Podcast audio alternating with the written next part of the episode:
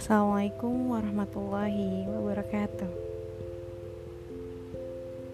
Berbagi tidak harus dengan sesuatu yang besar.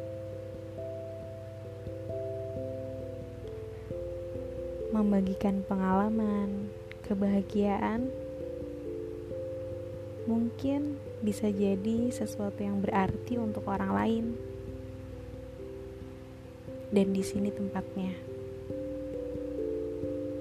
Semoga bisa diambil manfaat dan nilai positifnya ya. Selamat mendengarkan. Assalamualaikum warahmatullahi wabarakatuh.